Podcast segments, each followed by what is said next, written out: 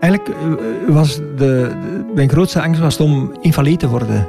Om uh, niet meer uh, genoeg te kunnen functioneren, dat ik eigenlijk niet meer kon grijpen of meer, geen kracht meer zou hebben in mijn handen.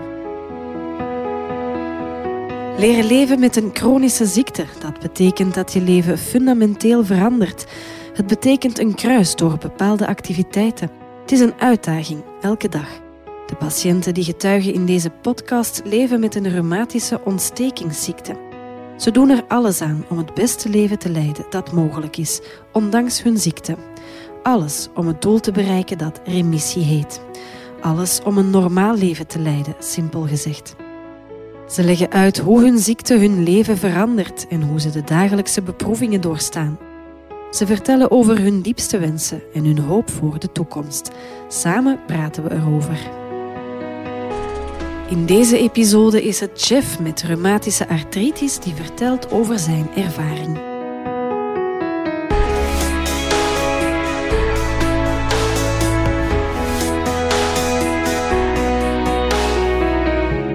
Ik ben uh, Jeff van. Ik ben uh, eh, 61 jaar. Ik ben gehuwd. Ik heb uh, drie volwassen dochters en zes kleinkinderen. Ik ben uh, kinesitherapeut van beroep en ik heb sinds bijna 40 jaar een zelfstandige praktijk.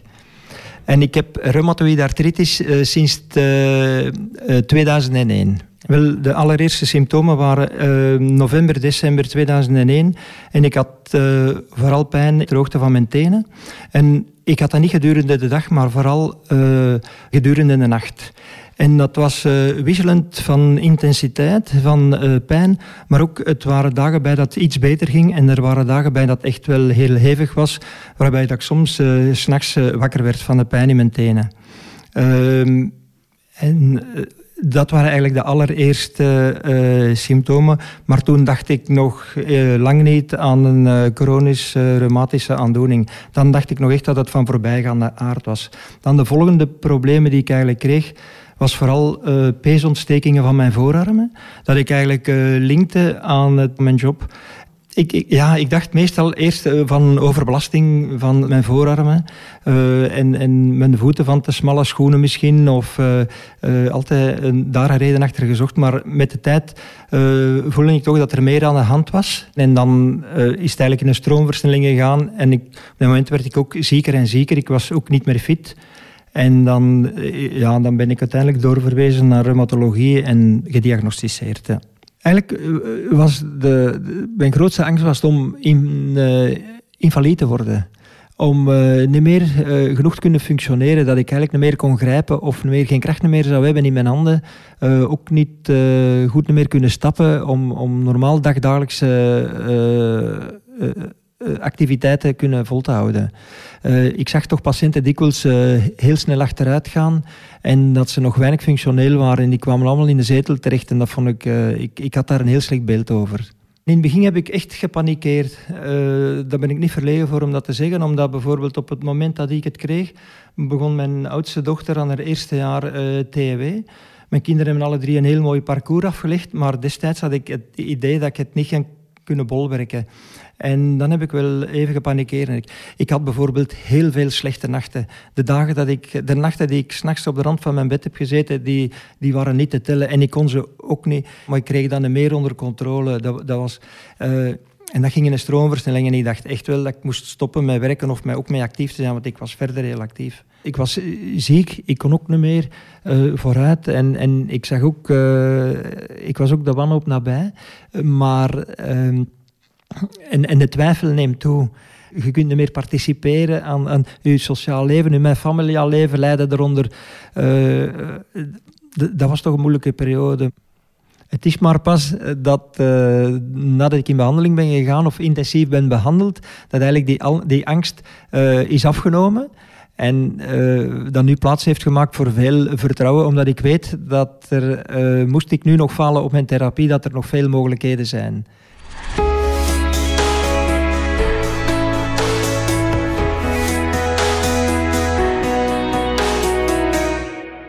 Het opstapelen van de klachten was eigenlijk het zeer typische aan het sluipend effect van uh, reumatoïde artritis.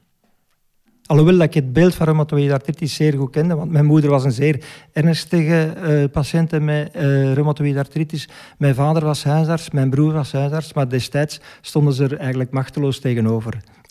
Maar mijn moeder was echt een ergste. Binnen de twee jaar had ze echt volledige afwijking van haar vingers.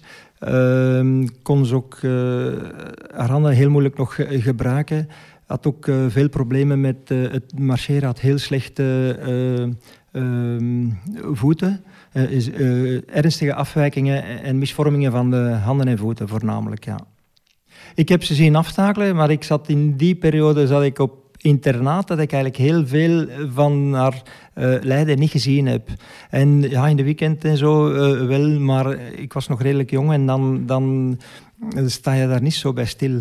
Want zij heeft echt wel alle complicaties gehad die je kunt inbeelden. Zij had ook een, een, door een vasculitis ook een, die, die niet onder controle geraakte, ook een, een, een dijbeenamputatie ondergaan je, moet weten dat zeer invaliderend, want ze kon bijvoorbeeld geen looprekje hanteren.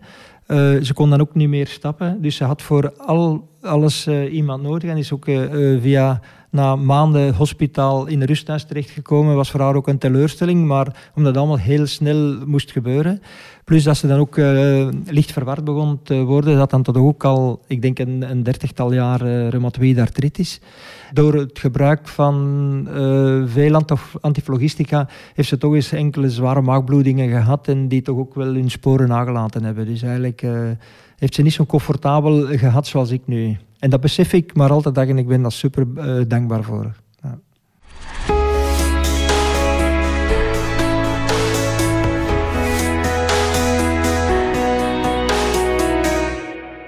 Ik heb eigenlijk nooit, uh, ben nooit gestopt geweest met werken, maar de laatste maanden voordat ik eigenlijk uh, um, in een intensieve behandeling ben gegaan, dan heb ik echt wel uh, het heel moeilijk gehad. Ik kreeg bijvoorbeeld, s morgens als ik opstond, kon ik mijn hemd niet dichtknopen. Ik, ik moest een, uur op, vroeger opstaan om te douchen, om in gang te geraken. Ik had ook de kracht niet meer. Ik kon ook uh, geen vuisten meer maken, letterlijk niet, maar ook figuurlijk niet meer. En ik had heel veel problemen met fijne motoriek, vooral van mijn handen en mijn, en mijn armen. Ja. In de loop van de dag ging dat, dat soms wel beter. Er waren dagen dat echt beter ging en er waren dagen bij dat echt slechter ging. Maar de meeste problemen had ik meestal in rust of s'nachts. Ik ben dan uh, behandeld uh, intensief in de zomer van uh, 2002. En dan ben ik eigenlijk op zeer korte tijd veel verbeterd.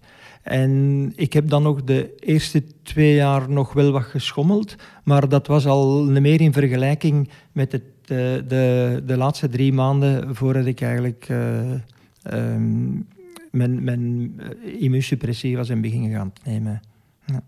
Maar um, vooral de angst om het niet kunnen blijven volhouden was, was uh, zeker zo groot. Ik dacht dat ik moest afhaken met, met mijn werk dat ik eigenlijk heel graag doe.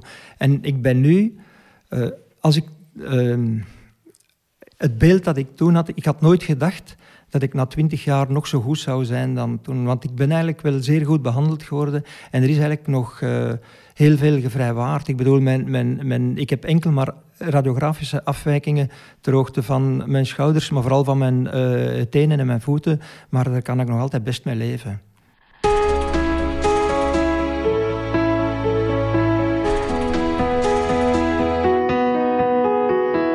Een heel bepalend moment voor mij was dat ik uh, een getuigenis heb kunnen afleggen voor het, uh, journaal. Dat ik getuigenis moest komen afleggen over mijn uh, aandoeningen, reumatoïde artritis. En ehm, voor mij was dat bepalend omdat ik eigenlijk toen mij nog niet geout had als reumapatiënt. In mijn kortste nabijheid was dat wel geweten, dus mijn familie, maar verder eigenlijk zo weinig mogelijk. Uh, ik kreeg dat ook niet uitgelegd aan patiënten, wat dat, dat is erbij. Ik moest niet met mijn klachten bij patiënten, zij moeten met hun klachten bij mij uh, terechtkomen. Ik dacht, het beeld van een kinesist met reuma, ja, dat kan toch niet. Dat, uh, omdat er ook, ehm, zeker wat betreft reumatoïde artritis en alle reumatische aandoeningen, zijn er nog heel veel misverstanden. Enorm veel. Tot op de dag van vandaag. Ik wist niet goed hoe dat ik er moest mee omgaan. Bijvoorbeeld, ik moet bellen bijvoorbeeld naar patiënten, ik kan niet komen, want ik krijg mijn handen niet open of ik heb bijvoorbeeld problemen. En, en, en ik neem daarna mijn, mijn medicatie bijvoorbeeld om, om, om die opstoot te tackelen. En ik vertrek dan zondagmorgen met mijn fiets, dan zullen ze denken... Uh, ja, en, en dat was zo ongelooflijk... dat vond ik een heel moeilijke oefening. En patiënten, sommigen zagen wel dat er uh, iets aan de hand was.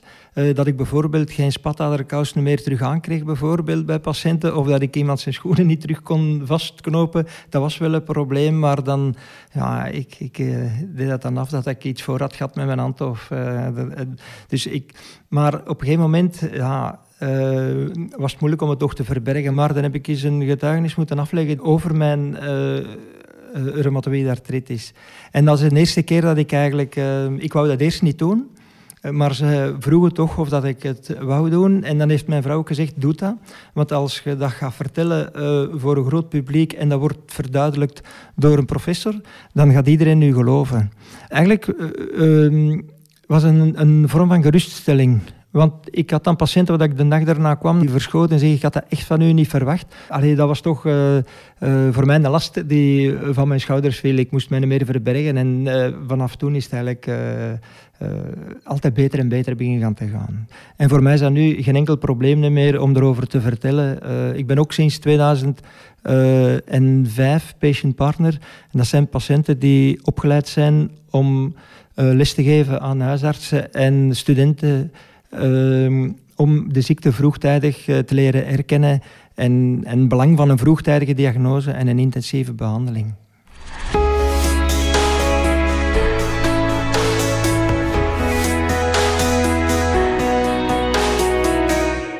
Ben eigenlijk een schoolvoorbeeld van hoe dat de ziekte zich manifesteert, maar ook hoe dat je goed kunt behandeld worden. Maar ik heb het eigenlijk moeten ondervinden dat het altijd beter en beter ging. En in het begin is de bewegingsangst die je hebt door de ontsteking van je gewrichten is tamelijk groot en dat zorgt voor bewegingsarmoede. Je durft minder en minder uh, uh, aanvatten. Uh, maar indien je goed behandeld wordt, is het, uh, moet het mogelijk zijn om je normale functies toch te kunnen behouden of te verbeteren. Zeker en vast. Om een, voorbeeld, om een praktisch voorbeeld te geven, als ik een van mijn uh, problemen die ik gehad heb, ik heb eens ooit mijn auto gekuist op een zaterdag namiddag en diezelfde nacht ehm, werd ik ziek en kreeg ik pijn aan mijn beide schouders. En dat was een hevige bursitis en ik kon meer slapen en ik kon het ook niet meer uh, onderdrukken met uh, ontstekingstremmers. En de, de, de, de reactie die je dan daarna zou hebben is, ik, ik huis nog nooit met een auto meer. Uh, maar indien je ziekte goed onder controle geraakt, indien je goed in remissie bent, dan kan je echt nog heel veel. En dan is het ook belangrijk om terug in beweging te geraken en eigenlijk je gewrichten, zowel in kwestie van mobiliteit als je spieren in kracht te herstellen of terug te verbeteren om terug functioneel beter te worden. En ik kan nu, ik, uh, ik kan mijn auto kuisen, heb ik s'nachts problemen, dan weet ik wat ik moet doen. Dan neem ik medicatie even op korte termijn, totdat dat terug, ziekte terug rustig is en dan valt dat wel terug in de plooien.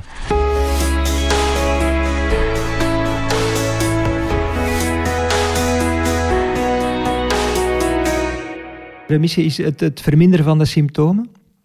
En dan ook het, uh, de, dat, je, dat de pijn vermindert, dat je nachtrusten verbeteren. Uh, dat je functie terug verbetert, dat je s'morgens toch beter terug je hemd kan aandoen, dat je kleine, fijne motoriek terug beter gaat, uh, dat je terug vlotter kan stappen, dat je gemakkelijker ehm, je sleutel kunt gebruiken, bijvoorbeeld die deur open doen, in, in die, je, daar voel je wel echt dat je in remissie bent. Ik, ik voel dat heel goed, bijvoorbeeld als ik nu zondagsmorgens met mijn fiets of, of zaterdags met mijn fiets vertrek en ik heb na 15 kilometer en ik krijg gezwollen polsen of pijnlijke polsen, dan is het niet omdat ik aan het fietsen ben, maar omdat ik niet meer in remissie ben, dat mijn inflammatie aan het stijgen is. Als ik echt goed in remissie ben, dan kan ik vier, vijf uur fietsen zonder problemen. Ik heb periodes gehad dat het echt uh, nog moeilijk ging, uh, maar die waren meestal van relatief kortere duur. Maar uh, ik, ik, ik had nooit kunnen denken, twintig jaar geleden, dat ik nu nog zo actief zou kunnen zijn. Ik heb eigenlijk een normaal leven. Ik denk elke reuma-patiënt heeft maar één opdracht. Dat is zo snel mogelijk in remissie geraken en blijven. Maar daarbinnen ben ik, eh, ik, vind ik van mijn eigen dat ik zeer therapietrouw ben.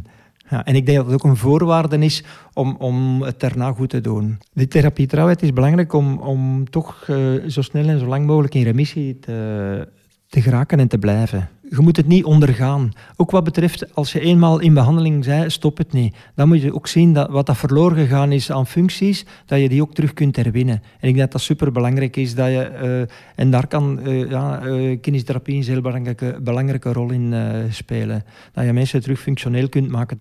En ik ben wel heel uh, goed gemonitord geweest gedurende al die jaren. Ik heb ook altijd heel snel bij de, uh, terecht kunnen als ik in de problemen kwam, als ik er viel. Uh, en dan, dan werd altijd de therapie gewoon aangepast. Of, of ja, andere medicatie veranderd of verbeterd. En, en nu moet ik zeggen, ben ik de, het laatste jaar ben ik zeer goed. Ja. Ik moet zeggen, ik ben zeer goed behandeld door mijn uh, reumatoloog. Ik kon me heel veel vragen bij hem terecht. En ze zijn ook zeer goed op de hoogte. Het zijn, mensen met een, een, een, echte autoriteit op vlak van uh, artritis. En dat geeft voor mij ook een heel uh, gerustheid. Ik weet ehm, dat er als mijn therapie nu moest falen, ik weet dat er nog een heleboel volgt waar ik kan op rekenen. En, en dat is voor mij super. Dat geeft mij echt een gerust gevoel uh, dat ik eigenlijk wel heel goed opgevangen ben. En dat, dat is ook belangrijk, ja als ik dat het vergelijk met mij, mijn moeder wist niet wat dat er nog mogelijk was. Ik was er in het begin ook niet echt van overtuigd, maar ik heb het toch ondervonden dat er uh, uh, op therapeutisch vlak echt heel veel mogelijk is. Op voorwaarde dat je maar vroegtijdig gediagnosticeerd en behandeld wordt. Maar bijvoorbeeld bij mijn moeder en de patiënten die ik kende, was het enkel kommer en kwel en was, die waren wanhopig naar de toekomst toe. Uh, die hadden echt een slecht beeld van hoe dat het uh, ging aflopen. En meestal liep het dan nog uh, wel slecht af. Want toen hadden... u moet wel weten dat destijds was de gemiddelde levensverwachting van een RA-patiënt tien jaar minder dan van een normale mensen. Ja, die waren slecht. En um, de, dat verschil met nu, dat wil ik echt wel, daar ben ik blij dat ik mijn verhaal daar kan in doen. Wie dat nu vandaag uh, reumatoïde artritis uh, krijgt, uh, is behandelbaar. Er is veel meer mogelijk dan, dan 20, 30 jaar geleden. En als we die inderdaad goed kunnen oppakken, dan denk ik dat er voor de meeste RA-patiënten toch wel een leven weggelegd is. Er zullen er altijd zijn die door de mazen van het net glippen, door bepaalde omstandigheden, maar dat moet toch het absolute minimum zijn.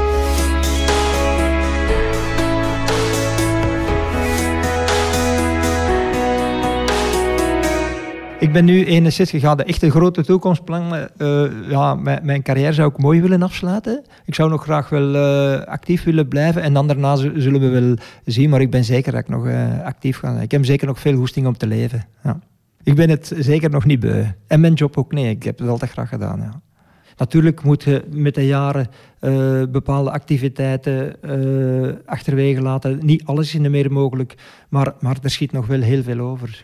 Bijvoorbeeld lang wandelen is, is, is een groter probleem bijvoorbeeld dan lang fietsen. Hè. Maar zelfs ik kan terug lange wandelingen aan. Dat kon ik bijvoorbeeld in het begin helemaal niet. De eerste twee jaar van mijn ziekte was het een groot probleem om langdurig, uh, om, om lang en ver te stappen. En nu is dat echt volledig van de baan. Ja. Ook ik heb ook wel aangepaste schoenen. En, en dus dat, dat, uh, om, om dat probleem aan te pakken, hè, om, om functioneel te blijven. Maar het blijft een ernstige ziekte die toch moet behandeld blijven. Want ik weet ook dat ik uh, medicatie ga moeten blijven tot de laatste dag uh, van mijn leven. Uh, maar voor mij is dat, geen, is dat een hulpmiddel. Ik ben daar blij mee. omdat dat de enigste mogelijkheid is die we tot, tot op vandaag hebben. Omdat er geen, eigenlijk geen, aan de grond geen genezing is, maar het is wel zeer goed behandelbaar. Ik doe mijn werk nog uh, fulltime, alle dagen. Uh, ik, zit, ik weet wel dat ik in de laatste fase van mijn uh, carrière zit, maar ik kijk er niet naar uit. Als ze nu moesten zeggen morgen, je moet als tegenprestatie nog enkele jaren langer werken.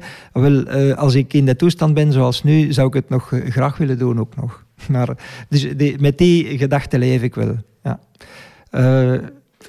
Ik, uh, ik fiets minstens twee tot drie keer per week vrij intensief.